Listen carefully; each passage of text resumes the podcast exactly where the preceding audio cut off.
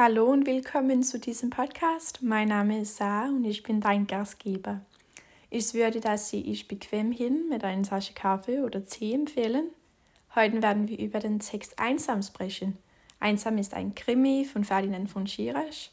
Er ist ein deutscher Anwalt und Autor.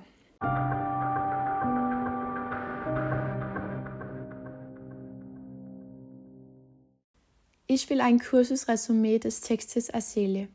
Der Krimi einsam handelt von der Hauptperson Larissa. Larissa blinkt zurück, als sie 14 Jahre alt war. Als Larissa 14 Jahre alt war, wurde sie von einem Mann namens Legner vergewaltigt.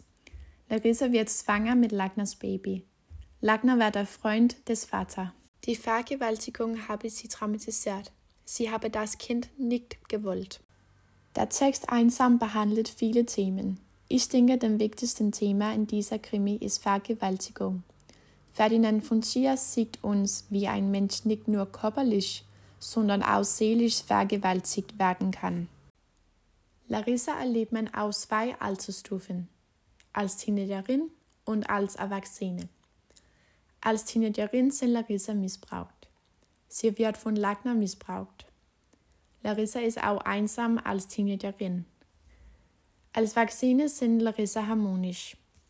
Sie ist glücklich mit ihrem Leben. Sie hat zwei Kinder mit einem Mann, sie lebt. Aber sie träumt oft von dem Baby, das alleine im Keller lag. Larissa vermisst das Baby. Ich will nennen drei typische Merkmale der Krimi, die für diese Krimi zu treffen. Es ist ein Plot mit dem Verbrechen im Zentrum. Das Breche ist realistisch, und der Krimi hat eine charakteristische Personengalerie und die Funktion der Figuren ist klar. Larissa ist das Opfer und Lagner ist das Verbrecher.